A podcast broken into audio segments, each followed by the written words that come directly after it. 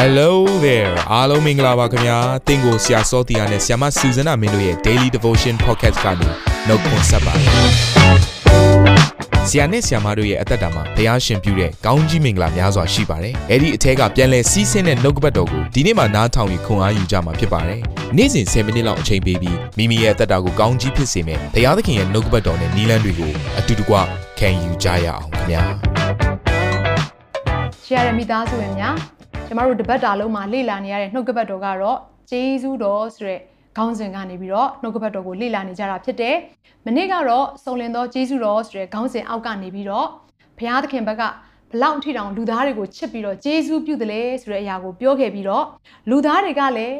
ကိုယ့်ကိုယ်ကိုမကယ်တင်နိုင်ဘူး။ဘုရားရဲ့ဂျေဇုပြုခြင်းကိုအလွန်လိုအပ်နေတယ်ဆိုတဲ့အကြောင်းအရာကိုပြောပြခဲ့ပါတယ်။အဲ့ဒီအထဲထဲမှာဘုရားဂျေဇုပြုလိုက်ပြီဆိုရင်တော့ စုံလင်တဲ့ကောင်းကြီးမင်္ဂလာနဲ့ကျမတို့ရဲ့အသက်တာထဲမှာဘုရားသခင်ကဂျေဇုပြုတယ်ဆိုတဲ့အကြောင်းအရာပဲဖြစ်ပါတယ်။အဲ့တော့ဒီနေ့ဒုတိယနေ့မှာတော့ဂျေဇုရဲ့ခေါင်းစဉ်အောက်ကနေပြီးတော့လေ့လာမယ့်အရာကပြည့်ညက်တရားစီမှာဂျေဇုတရားဇီသိုးဆိုတဲ့နှုတ်ကပတ်တော်ကိုလေ့လာကြမှာဖြစ်တယ်။အဲ့တော့အေဖက်အခန်းကြီး2အခန်းငယ်8ကနေ9ကိုအတူတူကဖတ်ကြရအောင်။ဒီနှုတ်ကပတ်တော်ကကျမတို့ကြက်မှတ်တဲ့နှုတ်ကပတ်တော်ဖြစ်တယ်။အဲ့တော့အတူတူကထိုနှုတ်ကပတ်တော်ကိုဖတ်ရအောင်။ ယုံကြည်သောအဖြစ်ကျေးဇူးတော်ကြောင့်ကယ်တင်ခြင်းသို့ရောက်ရ၏ကိုအလိုလျောက်ရောက်သည်မဟုတ်ဘုရားသခင်တနာတော်မူရာဖြစ်သည်ကိုကုသိုလ်ကြောင့်ကယ်တင်တော်မူခြင်းသို့ရောက်ရသည်မဟုတ်တို့ဖြစ်၍အဘယ်သူများဝါကြွားစရာအခွင့်မရှိအဲ့တော့ဒီကျမ်းစာကိုဖတ်လိုက်တဲ့အခါမှာအချက်နှစ်ချက်တွေ့ရတယ်ပထမအချက်ကတော့ကောင်းတဲ့အရာတွေပေါ့ဒုတိယတစ်ချက်ကတော့မကောင်းတဲ့အရာဖြစ်တယ်အဲ့တော့ positive side ကနေကြည့်လိုက်မယ်ဆိုလို့ရှိရင်တွေ့ရတဲ့အရာက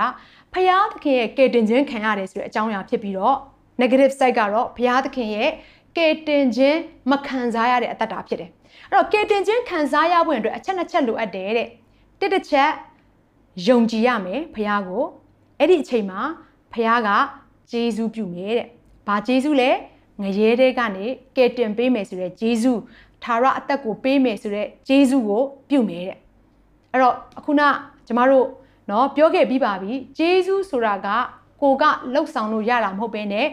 ကိုကိုကိုမကယ်နိုင်တဲ့အချိန်မှာဖခင်ကပြတဲ့အရာကိုဂျေဇုလို့ခေါ်တယ်အာမင်အဲ့တော့ဒုတိယ negative side ကကြတော့ဘာလဲဆိုရင်ကယ်တင်ခြင်းမရောက်စေတဲ့တနည်းအားဖြင့်ငရဲကို ရောက်စေတဲ့အရာကတော့ကိုယ့်ရဲ့ကုသိုလ်ဖြစ်တယ်တဲ့အင်္ဂလိပ်လိုဆိုလို့ရှိရင် work တနည်းအားဖြင့်ကိုယ့်ရဲ့ကြင့်ကြံခြင်းပြုမှုခြင်းတွေအားလုံးကတော့တဲ့ငရဲတဲ့ကနေ ကယ်တင်နိုင်ဖို့ရန်အတွက်ငရဲတဲ့ကနေလွတ်မြောက်နိုင်တဲ့အစွမ်းတတ္တိမရှိဘူးလို့ပြောနေခြင်းပါအဲ့တော့ကျမတို့နှုတ်ကပတ်တော်ကိုဆက်ပြီးတော့မသွားခင်ဒါလေးကိုသိဖို့အတွက်လိုအပ်ပါတယ်တခါတလေကျမတို့ကဒီလောကမှာအသက်ရှင်တဲ့အခါမှာငရဲတဲ့ကလွတ်ဖို့ရန်အတွက်ကောင်းမှုကုသိုလ်တွေပြုကြတယ်အကောင်းဆုံးကြင့်ကြံကြတယ်သို့တော့ကျမတို့ရဲ့အသက်တာကဘာနဲ့သွားတူလဲဆိုတော့ထုံးဖြူတုတ်ထားတဲ့အုတ်ဂူနဲ့တူတယ် အပြင်မှာတော့လှပနေပေမဲ့အတွင်းထဲမှာကျတော့ပုတ်ပွားနေလေရဲ့အဲ့တော့အကောင်းဆုံးသောအရာတွေကိုအပြင်ဘန်းကပြုတ်ပေမဲ့အတွင်းထဲမှာကကြတော့မစုံလင်တဲ့အခါမှာမတန့်ရှင်းတဲ့အခါမှာဒီနေ့ဘုရားကဘာပြောလဲဘုရားရဲ့ကယ်တင်ခြင်းကိုမရောက်နိုင်ဘူးတဲ့ငရဲထဲမှာပဲနေရမယ့်အသက်တာဖြစ်ပါလိမ့်မယ်တဲ့ဒါကြောင့်မလို့ကျမတို့အပြင်ပန်းတရံကနေအကောင်းဆုံးသောအရာတွေကိုပြုတဲ့အခါမှာတစ်ဖက်ကသတိရစေခြင်းနဲ့ကျမတို့ရဲ့စိတ်နှလုံးဟာဘလောက်ပုတ်ပွားနေတယ်လဲဆိုတဲ့အရာတွေကို သတိရပြီးတော့ကျမတို့တရုတ်ချင်းစရိုင်းဟာငရဲကနေလွတ်ဖို့ရန်အတွက်ကိုကိုကိုမကယ်တင်နိုင်ဘူးဆိုတဲ့အရာကိုစင်ကြင်တက်ဖွင့်အတွက်လိုအပ်တယ်တွေးခေါ်တက်ဖွင့်အတွက်လိုအပ်ပါတယ်ကျမတို့ရဲ့လှုပ်တဲ့ကုသိုလ်ကောင်းမှုတွေဟာနော်နော်ဘာနဲ့သွားတူလဲဆိုလို့ရှိရင်ကျမတို့အနူတုတ်တဲ့လက်ဖက်တုတ်လိုပဲလက်ဖက်ဆန်ကောင်းတယ်ပဇွန်6ကောင်းတယ်နော်ကြော်ညာနေရတော့မဟုတ်ဘူးဆိုတော့ကျမတို့အဲ့ဒီလက်ဖက်တုတ်ထဲမှာရှိနေတဲ့နော်အာအရာတွေပစ္စည်းတွေအရန်ကောင်းပေမဲ့ တုတ်တဲ့သူကအနူဖြစ်နေတဲ့အခါမှာသူ့ရဲ့အညစ်အကြေးတွေကအဲ့ဒီလက်ဖက်တုတ်ထဲကိုဝင်သွားတဲ့အခါမှာညစ်ညူးတဲ့အရာကိုเนาะကျမတို့ကစားဖို့ရန်အတွက်ယွန်ရှာတက်တယ်လို့ပါပဲအဲ့တော့တစ်ဖက်မှာလည်းကျမတို့ရဲ့ပြုတ်ဘူးသမျှကုသိုလ်ကောင်းမှုတွေဟာဘုရားသခင်ရဲ့အရှိမယွန်ရှာစရာဖြစ်တယ်ကိုကိုယ်တိုင်ကအပြစ်မကင်းတဲ့သူဖြစ်နေတဲ့အခါမှာဖះလက်ခံနိုင်ကြမှာဖြစ်တယ်လို့ငရဲကလွတ်မြောက်နိုင်ကြအကြောင်းမရှိပါဘူးအဲ့ဒီတော့ဒီမှာ ယောမအခန်းကြီး7အခန်းငယ်6ထဲမှာဒီလိုပြောထားပါတယ်ကျေးဇူးတော်အားဖြင့်ရှိလျင်ကိုကျင့်သောအကျင့်အားဖြင့်မရှိရှိလျင်ကျေးဇူးသည်ကျေးဇူးမဟုတ်ကိုကျင့်သောအကျင့်အပြင်ရှိလျင်ဂျေဇုအပြင်မရှိရှိလျင်ကိုကျင့်သောအကျင့်သည်အကျင့်မဟုတ်အဲ့တော့ဒီနေရာမှာပြောနေတဲ့အရာကဖျားသခင်ကလှုပ်ပေးတယ်ဆိုရင်ကိုယ့်ဘက်ကလှုပ်တာမဟုတ်ဘူးဆိုတာကိုသတိရစေချင်တယ် ကိုယ့်ဘက်ကလှုပ်နေတဲ့အရာဆိုလို့ရှိရင်လည်းဖျားလှုပ်ပေးတာမဟုတ်ဘူးဒါလေးကိုစင်ကျင်တက်ဖွင့်အတွက်ဖြစ်ပါတယ်ဒါကြောင့်မလို့ကိုယ့်ဘက်ကနေစ조사ပြီးတော့ငါကယ်တင်ခြင်းရဖို့ရန်အတွက်ငါထာဝရအသက်ရဖို့ရန်အတွက်ငါစ조사ကြင့်ကြံနေရမယ်ဆိုတဲ့အတွေးခေါ်ရှိနေပြီဆိုရင်ဒီနေ့တည့်ရဲ့အတွေးခေါ်ကိုရက်တန်းကရက်လိုက်ဖို့ရန်အတွက်ဖြစ်တယ်။ဘုရားသခင်ဟာသူ့ရဲ့တပါးတော်သားတော်ယေရှုခရစ်တော်ကိုကျမတို့အတွက်လက်ဆောင်ပေးခဲ့ပြီးပြီ။ကျမတို့လုပ်ရမယ့်အရာက ထိုပေးတဲ့ယေရှုခရစ်တော်ထံကလာတဲ့ထာဝရအသက်အပြစ်ကင်းလွတ်ခြင်းနဲ့ငရဲတဲ့ကလွတ်မြောက်ခြင်းဆိုတဲ့ဂျေဇုကိုခံယူဖို့ရန်အတွက်ဖြစ်တယ်။ဒါကြောင့်မလို့မိသားစုဝင်များငါစ조사ပြီးတော့ထာဝရအသက်ရအောင်လုပ်မယ်လို့မစင်စားပါနဲ့စ조사ပြီးတော့ငရဲတဲ့ကလွတ်အောင်ငါကုသိုလ်ကောင်းမှုတွေပြုမယ်လို့မစင်စားဘဲနဲ့ထိုဖျားပြုခဲ့ပေးတဲ့ဂျေဇုတော်ကိုလက်ခံရယူဖို့အတွက်ဖြစ်ပါတယ်ဒါကြောင့်မလို့ဒီနေရာမှာဒီနေ့ဘုရားခင်ပြောထားတဲ့အရာတော့ရှိတယ်အ ခုနနော်ကျမတို့ဒီလောကနဲ့ဆိုင်တဲ့နော်အကျင့်တရားတွေဒီလောကနဲ့ဆိုင်တဲ့ကုသိုလ်ကောင်းမှုတွေအားလုံးဟာဘယ်တဲကထွက်ပေါ်လာတဲ့အရာလဲဆိုလို့ရှိရင်ပြညတ်တရားတွေကထွက်ပေါ်လာတဲ့အရာဖြစ်တယ်အဲ့တော့ယောဟန်ခန်းကြီး1အခန်းငယ်18မှာဒီလိုပြောထားပါတယ်အကြောင်းမူကားပြညတ်တရားတော်ကိုမောရှေလက်တွင်ပေးတော်မူ၏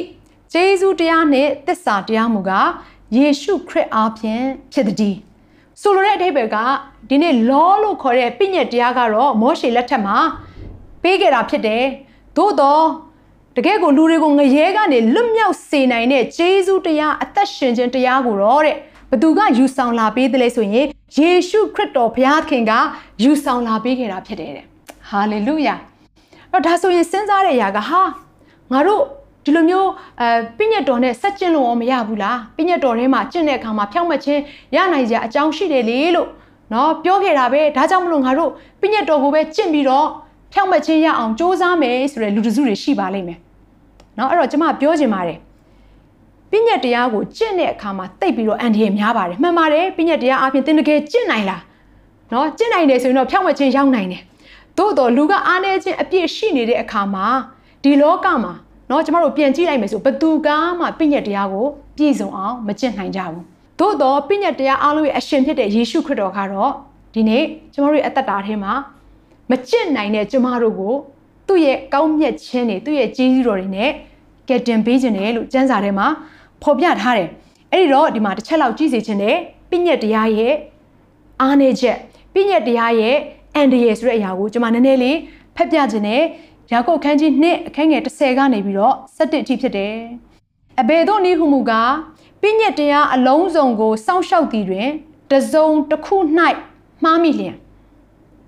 ပြည့်ညက်တရားအလုံးစုံကိုလွန်ကျူးသောအဖြစ်ရှိ၏သူ့မယားကိုမပြစ်မှားနှင့်ဟုပြည့်ညက်တော်မူသောသူကလူအသက်ကိုမတတ်နှင့်ဟုပြညတ်တော်မူသည်တို့ဖြစ်၍တင်သည်သူများကိုမပြစ်မှားဘဲနေတော့လေလူအသက်ကိုတတ်လျင်ပြညတ်တရားကိုလွန်ကျူးတော်သူဖြစ်အဲ့ဒီတော့ဒီနေရာမှာဘာကိုတွေ့ရတယ်လဲဆိုလို့ရှိရင်ပြညတ်တရားကိုကျင့်တဲ့အခါမှာတဲ့เนาะကောင်းမှုကုသိုလ်တွေကိုလုပ်တဲ့အခါမှာเนาะကျမတို့စ조사ပြီးတော့ကိုယ့်ရဲ့လက်နဲ့အားထုတ်တဲ့အရာတွေထဲမှာတဲ့ ဘုရားကဘလို့ပြောထားလဲဆိုရင်ဒီပြညတ်တရားကိုကျင့်တဲ့အခါမှာတစုံတစ်ခုမှားမိတယ်ဆိုရင်ပြညတ်အလုံးစုံကိုလွန်ကျူးတဲ့သူဖြစ်တယ်အဲ့တော့ပညတ်တရားကိုကျင့်တဲ့အခါမှာကာယကံဝစီကံမနောကံเนาะကျမတို့ရဲ့ဒီနှုတ်ရှာပါဇက်ကျမတို့ရဲ့အပြင်လက်ကလှုပ်တဲ့အရာပြီးရင်စိတ်နှလုံးထဲကနော်တွေးတောဆင်ခြင်တဲ့အရာတွေဆုံးဖြတ်ချက်ချတဲ့အရာတွေအားလုံးကလည်းပါဝင်နေတယ်အဲ့တော့တစ်ခုတော့မဟုတ်တစ်ခုလူအနေနဲ့မကောင်းမှုကိုပြုခဲ့မယ်ဆိုရင် အရှိမလှုပ်ခဲ့တဲ့အရာတွေအားလုံးဟာအားလုံးတဲတဲရေသွန်တကယ်သူပဲဖြစ်နေပါလိမ့်မယ်ဒါကြောင့်မိသားစုဝင်များဒီနေ့ပြည့်ညက်တရားကတော့ပြောထားပါတယ်ကျင့်ကျင်တော့နော်စူးစမ်းပြီးတော့ကျင့်ကြည့်ပါသို့တော့တစုံတစ်ခုမှားပြီဆိုရင်တော့ပြညက်အားလုံးကိုလွန်ကျူးတဲ့အပြစ်ရှိနေပါတယ်69ရာခိုင်နှုန်းလောက်ကမှန်နေပြီးတော့1ရာခိုင်နှုန်းတည့်ရဲ့အသက်တာထဲမှာလွန်ကျူးပြီဆိုရင်တော့တင့်ကိုဘုရားခင်ဖြောက်မှတ်တော်သူလို့မမြင်တော့ဘူးအပြစ်သားလို့ပဲ မြင်မှာဖြစ်တယ်ဒီနေ့အပြစ်တရားရဲ့အခကတေခြင်းပေဒီဆိုလိုတဲ့အရာကငရဲထဲမှာအဆုံးသတ်မှာဖြစ်တယ်ကဲပြညတ်တရားနောက်ထပ်အားနည်းချက်တစ်ခုကဘာလဲဆိုလို့ရှိရင်ဂလာတိခန်းကြီး3အခန်းငယ်30ထဲမှာဖြစ်တယ်။ပြညတ်တရားရဲ့အကျင့်ကိုအမိပြုသောသူရှိသမျှတို့သည်အကျင့်နှင့်ဆက်ဆိုင်ကြ၏။ပြညတ်တရားဆိုတဲ့အရာကဘာကိုပြောနေရလဲ။နော်မကျင့်နိုင်တဲ့တရားဖြစ်တဲ့အတွက်ကြောင့်မလို့ကျင့်ချင်းကျင့်တဲ့သူကတခုခုမှားယွင်းတာနဲ့ကြိမ်ချင်းကိုခံရမယ်တရားဖြစ်တယ် အကြောင်းမူကားပညတိကျမ်းစာ၌ပါသမျှသောစကားတို့ကိုအမြဲမကျင့်သောသူတိုင်းကြိမ်တော်မူခြင်းကိုခံစီတည်းဟုကျမ်းစာလာ၏နော်ဘုရားခင်ကအဖြူကိုအဖြူအမဲကိုအမဲလိုပဲမြင်တတ်တဲ့ဘုရားရှင်ဖြစ်တယ်ဆိုလိုတဲ့အရာကဖြောက်မတ်တော်သူနဲ့အပြစ်သားအဲ့တော့ကိုကဘဲဘက်မှာယက်တီမှာလဲနော်ဒါကြောင့်မလို့လူတယောက်အနေနဲ့ပညတ်တရားကိုကျင့်ပြီဆိုလို့ရှိရင်တစ်ဖက်မှာခြေလှမ်းကအပြစ်ကိုလှုပ်ဖို့ရန်အတွက်လုံးဝလှုပ်လို့မရအောင်ဒါကပညတ်တရားရဲ့နော်တောင်းဆိုမှုဖြစ်တယ် ဒါကြောင့်မလို့ပညတ်တရားထဲမှာသင်အသက်ရှင်ပြီဆိုရင်တော့သင်အန်ဒီရများတဲ့အခြေအနေတွေကိုရောက်နေပါတယ်တချို့သောသူတွေကဘာပြောလဲဆိုရင်ဒီနေ့အာနော်ပထမကျမ်းငါးခြင်းထဲမှာပါခဲ့တဲ့ပညတ်တော်တွေအားလုံးကိုငါတို့လှုပ်ဆောင်ရမယ်မလှုပ်ဆောင်လို့ရှိရင်ငရဲတဲ့ရောက်မယ်လို့ထင်နေတဲ့မိသားစုဝင်တွေတချို့ရှိတယ်ဒီနေ့သင်ရဲ့အတွေးခေါ်ကိုဒီနေ့ပဲအဆုံးသတ်လိုက်ပါဘုရားကတော့ရှင်းရှင်းလင်းလင်းပြောထားပါတယ်ပြည့်ညက်တရားကိုအကုန်အစင်မကျင့်နိုင်ဘူးဆိုရင်တော့ကြိမ်တော်မူခြင်းခံရမယ် ဒါဆိုရင်ဘုရားသခင်ကပြည့်ညက်တရားတွေကိုလူသားတွေကိုဘာဖြစ်လို့ပေးခဲ့တယ်ထင်တယ်လဲပြည့်ညက်တရားဆိုတာအထိန်ဖြစ်တယ်လူတွေကအပြစ်ကိုအပြစ်မှန်မသိတော့ကိုယ်စိတ်ကြိုက်အသက်ရှင်တဲ့အခါမှာဒါငါရဲ့အခွင့်အရေးဒါလူရဲ့အခွင့်အရေးလို့ထင်ပြီးတော့လူတက်တယ်ဒေါသထွက်ပြီးတော့သူတစ်ပါးကိုရိုက်နှက်တယ်ပြီးရင်သူတစ်ပါးသားများကိုပြစ်မှားတယ်သူသူ့ဥစ္စာကိုခိုးတယ် ထိုအရာတွေအားလုံးဟာကိုယ့်ရဲ့စိတ်အတိုင်းစိတ်ရှိတဲ့အတိုင်းเนาะဒါကငါလုပ်လို့ရတာပဲငါအခွင့်အရေးပဲလို့ထင်လာတဲ့အခါမှာဘုရားသခင်ကဒီပြည့်ညတ်တော်တွေကိုလူသားတွေကိုပေးခဲ့တာဖြစ်တယ်။ဘာလို့ဖို့လဲလူတွေကိုထိန်းချောင်းဖို့ရန်အတွက်ဖြစ်ပါတယ်။အဲ့ဒီပြည့်ညတ်တော်ကပဲလူတွေရဲ့အထဲထဲမှာရှိနေဒူးစရိုက်အပြစ်ကိုပြန်လဲပြီးတော့ဖော်ထုတ်ပေးပါတယ်။ဒါကြောင့်မလို့ယောမအခန်းကြီး3 အခန်းငယ်20ထဲမှာဒီလိုဖော်ပြထားတယ်။ထို့သောပြည့်ညတ်တရားသည်ဒူးစရိုက်အပြစ်ကိုထင်ရှားစေသည်ဖြစ်သောကြောင့်ပြည့်ညတ်တရား၏အကျင့်အားဖြင့်ဘုရားသခင်ရှေ့တော်၌အဘယ်သူမျှဖြောင့်မတ်ရသို့မရောက်ရ။အဲ့တော့ဒီနေ့ဘုရားရှင်ကတော့ရှင်းရှင်းလင်းလင်းပြောထားပါတယ်ပြည့်ညတ်တရားဆိုတဲ့အရာကလူသားတွေရဲ့အထဲထဲမှာရှိနေတဲ့ဒူးစရိုက်အပြစ်ကိုဖော်ပြနေတဲ့အရာဖြစ်တယ်။တနည်းအားဖြင့်ကျမတို့ ကြင့်ကြံပြုမှုတဲ့ကုသိုလ်ကောင်းမှုတွေအားလုံးဟာဖခင်ရဲ့အရှိမမစုံလင်ဘူးဆိုတဲ့အရာကိုရည်ညွှန်းနေခြင်းဖြစ်ပါတယ်။ဒါကြောင့်ဒီနေ့သတိရပါတင့်ရဲ့ကုသိုလ်ကောင်းမှုနဲ့တင့်ရဲ့အကျင့်အကြံစ조사အားထုတ်နိုင်ခြင်းအပြင်ငရဲတဲ့ကတင်မလွတ်နိုင်ဘူးလို့ဒီနေ့နှုတ်ကပတ်တော်အားဖြင့်သတိပေးပါရစေ။သို့တော်တစ်ဖက်မှာပြည့်ညက်တရားအားဖြင့်ကျမတို့ငရဲကမလွတ်နိုင်တော့လေဘုရားခင်ကလူသားတွေကိုဒီတိုင်းလက်ပိုက်ကြည့်တဲ့ဘုရားရှင်မဟုတ်ဘူး။သူဖန်ဆင်းတဲ့လူသားတွေကိုကယ်တင် ပေးတဲ့ဘုရားရှင်ဖြစ်တယ်เนาะအဲ့တော့မဿဲခန်းကြီး9အခန်းငယ်7ခွန်မှာဒီလိုပြောထားပါတယ်ပညတိကျမ်းအနာဂတ်ကျမ်းများကိုပယ်ဖြတ်ခြင်းကငါလာသည်ဟုမထင်ကြနဲ့ပယ်ဖြတ်ခြင်းကငါလာသည်မဟုတ်ပြည့်စုံခြင်းကငါလာသည်အဲ့တော့ဒီနေရာမှာဘာကိုပြောထားလဲဆိုရင်ယေရှုခရစ်တော်ဟာဒီလောကကိုကြွလာတဲ့အရာမှာလူသားတွေမကျင့်ကြံနိုင်တဲ့ပြည့်ညတ်တရားတွေလူသားတွေမလောက်ဆောင်နိုင်တဲ့ထိုကောင်းမှုကုသိုလ်တွေကို နော်သူ့အားဖြင့်ပြည့်စုံစေဖို့ရန်အတွက်လူတွေကိုကူညီပေးဖို့ရန်အတွက်ယေရှုခရစ်တော်ကြွလာတယ်လို့ပြောထားပါတယ်။ယောမအခန်းကြီး3ခန်းငယ်21ကနေ24မှာလည်းဒီလိုပြောထားပါတယ်။ယခုမူကားပိညတိကျမ်းနှင့်အနာဂတ်ကျမ်းတို့သည်တက်သေးခံသည်နှင့်အညီပိညတ်တရားနှင့်မဆက်ဆိုင်သောဘုရားသခင်၏ဖြောင့်မတ်ခြင်းတရားဒီဟုသော ယေရှုခရစ်ကိုယုံကြည်ခြင်းအပြင်ယုံကြည်သောသူအပေါင်းတို့အဖို့ဖြစ်၍ထိုသူအပေါင်းတို့အပေါ်သို့ရောက်သောဘုရားသခင်၏ဖြောင့်မတ်ခြင်းတရားသည်ထင်ရှားခဲ့ပြီ။ခြားနာခြင်းအလျင်မရှိဘဲကြောင့်ဤဟုမူကားလူအပေါင်းတို့သည်ဒုစရိုက်ကိုပြု၍ဘုရားသခင်ရှေ့တော်၌အသေးပြကြပြီ။ယေရှုခရစ်ရွေးနှုတ်တော်မူသောအပြင်အဖို့ကိုမပေးဘဲဘုရားသခင်၏ကျေးဇူးတော်ကြောင့်ဖြောင့်မတ်ရာသို့ရောက်ရကြ၏။အဲ့ တော့ဒီနေရာမှာဘာကိုပြောထားလဲဆိုရင်လူသားတွေဟာတဲ့ဒီလောကမှာရှိတဲ့တရားမှန်သမျှကောင်းမှုကုသိုလ်မှန်သမျှကိုတဲ့မကြင့်ကြံနိုင်ပါဘူးတဲ့သို့တော့အဲ့လိုမကြင့်ကြံနိုင်ပေမဲ့တဲ့ဘုရားသခင်က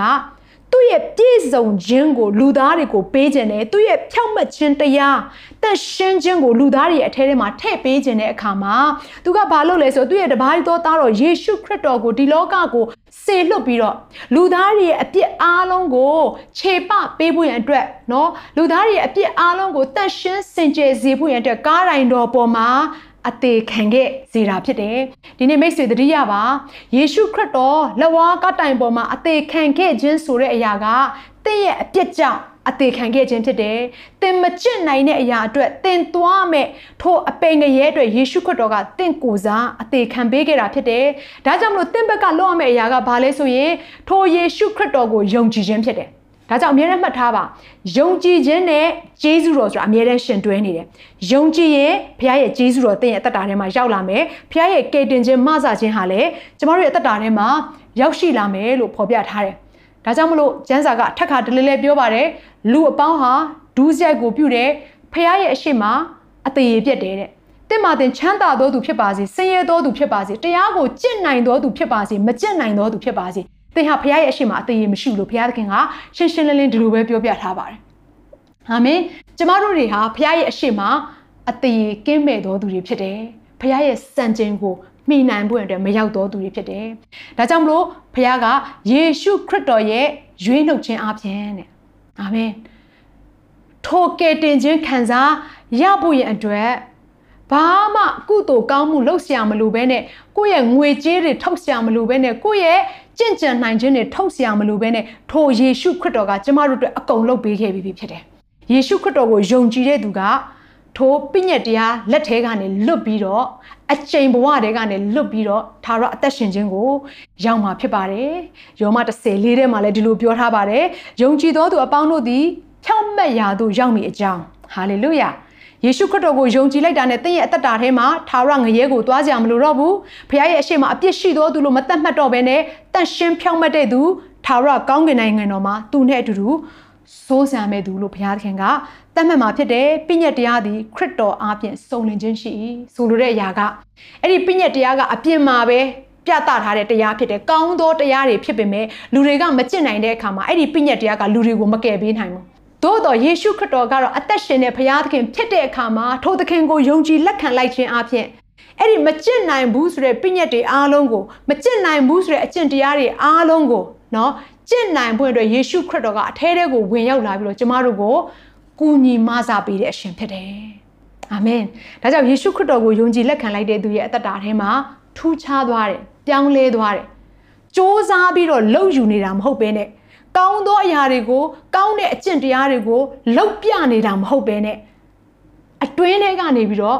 အလိုအလျောက်လှုပ်တက်တဲ့သူဖြစ်လာတယ်။အာမင်။ဒါကြောင့်မို့ဒီနေ့ပြည့်ညက်တရားကနေဂျေဇုတရားကိုတွားမယ်အချိန်ကာလရောက်နေပြီငါစ조사နိုင်လို့ကောင်းကင်ရောက်မယ်လို့သင်စဉ်းစားနေရင်အဲ့ဒီအတွေးခေါ်ကိုဒီနေ့ရက်တန်ပြီးတော့ယေရှုဖခင်ကိုရော့ကိုကျွန်တော်လိုအပ်တယ်ကိုရဲ့ဂျေဇုတော်အားဖြင့်သာသာရငရဲတဲ့ကနေပြီးတော့ကင်းလွတ်ပြီးတော့ ကိုရော့နဲ့ကောင်းကင်နိုင်ငံတော်မှာအတူတူကနေရတော့အခွင့်ကေတင်ချင်းရောက်တဲ့အခွင့်ကိုရမှာဖြစ်တယ်ဒါကြောင့်ကိုရော့ကိုကျွန်တော်လိုအပ်ပါတယ်လို့သင်ကနှလုံးသားတကားကိုဖွင့်ပြီးတော့စိတ်နှလုံးနဲ့ယုံကြည်ပြီးတော့နှုတ်ရှာပါဇက်ကဝန်ခံပြီးတော့ပြောဆိုမယ်ဆိုရင်ထိုကယ်တင်ခြင်းဟာတင့်ရဲ့အသက်တာတွေကိုရောက်လာမယ်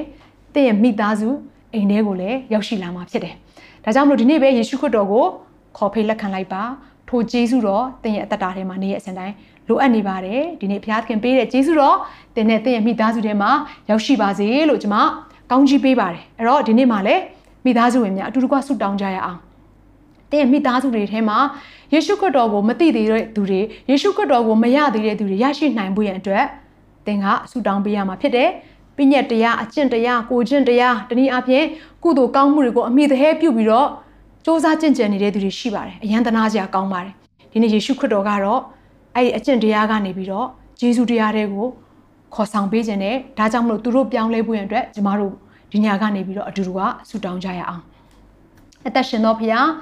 ယနေ့နှုတ်ကပတ်တော်အတွက်ကိုရောကိုဂျေစုတင်နေမိသားစုဝင်တယောက်ချင်းစီတိုင်းဟာပြည့်ညက်တရားတွေကနေပြီးတော့ဂျေစုတော်တွေကိုရှောက်လန်းနိုင်ဖို့ရန်အတွက်နှုတ်ကပတ်တော်အားဖြင့်ကိုရောဖွင့်ပြတဲ့အတွက်ကိုရောကိုဂျေစုတင်ပါတယ်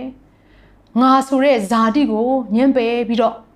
အရာခတ်သိမ်းဟာကိုရောအားဖြင့်ဖြစ်တယ် ကိုရောအထံတော်ကလာတယ်ဆိုတဲ့အရာကိုသိမှတ်ပြီးတော့ကိုရဲ့ဂျေစုတရားထဲမှာအသက်ရှင်တတ်တော်သူများဖြစ်စေဝင်အတွက်လက်တော်ထဲမှာအနံပါတယ်ဘုရားသခင်ဟိုငါလုံးလို့ငါရတယ်ဆိုတဲ့အတွေးခေါ်ရှိသောသူများရဲ့အပြစ်များအတွက်လည်းယနေ့သူတို့ရဲ့အပြစ်များကိုဝန်ချတောင်းပန်ပါတယ်အထူးသဖြင့်ကိုတော့သူတို့ရဲ့မိသားစုတွေထဲမှာဒီနေ့ယေရှုခရစ်တော်ကိုမသိဘဲနဲ့ယေရှုခရစ်တော်ရဲ့ကယ်တင်ခြင်းအကြောင်းအရာကိုနားမလည်ဘဲနဲ့ဒီလောကရဲ့ပြည့်ညက်တွေထဲမှာတရားတွေထဲမှာကြင့်ကြံကြိုးစားအားထုတ်နေတဲ့သူတွေရှိပါတယ်ဘုရားသခင် ယနေ့ကိုရဲ့တနာခြင်းကုဏတက်ရောက်ပြီးတော့အိုးသူတို့နဲ့သက်ဆိုင်တဲ့မိသားစုဝင်များအသက်တာပြောင်းလဲခြင်းအလို့ငါမာစာတော်မူပါကိုရောသူရဲ့မိသားစုဝင်တွေရဲ့အပေါ်မှာကိုရဲ့မျက်နှာသာ ပေးခြင်းနဲ့တကွကိုရဲ့ကေတင်ခြင်းရောက်ရှိဖို့နဲ့ယနေ့ပင်ကောင်းကြီးပေးပါတယ်လူတို့ကျန်စီမမိနိုင်သောအထက်မှလာသောထာဝရအသက်ထာဝရဘုံအသေးသည်ဟိုသူတို့နဲ့တကွသူတို့ရဲ့မိသားစုဝင်ထဲမှာတက်ရောက်ဖို့ရန်အတွက်ယနေ့ကောင်းကြီးပေးပါတယ်ကိုရဲ့အကျင့်စီတော်ထဲမှာပြန်လဲပြီးတော့အသက်ရှင်နိုင်သောသူများဖြစ်စေဖို့ရန်အတွက်လက်တော်ထဲမှာစက္ကဲအနံတဲ့အခါမှာအလုံးစုံကိုဖန်ဆင်းတဲ့သားသမီးတယောက်ချင်းစတိုင်းအတွက်အကောင်းမြတ်ဆုံးသောအရာတွေကိုပြင်ဆင်ထားတော်မူသောအသက်ရှင်တော်မူသောသခင်ယေရှုခရစ်တော်ဖခင်ရဲ့မြတ်သောနာမကိုအမိပြု၍အယောက်ချင်းစတိုင်းရဲ့အသက်တာကိုကောင်းကြီးပေးလက်ဆုတောင်းစက္ကဲအနံကြပါတယ်အဖမြတ်စွာဘုရားသခင်အာမင်မနေ့ပြန်မှလည်းဘုရားရဲ့နှုတ်ကပတ်တော်ကိုအတူတူကခံယူဖို့အတွက်ဖြစ်တဲ့နှုတ်ကပတ်တော်ကိုအမြဲတမ်းစာငတ်နေတော်သူများဖြစ်ကြရအောင်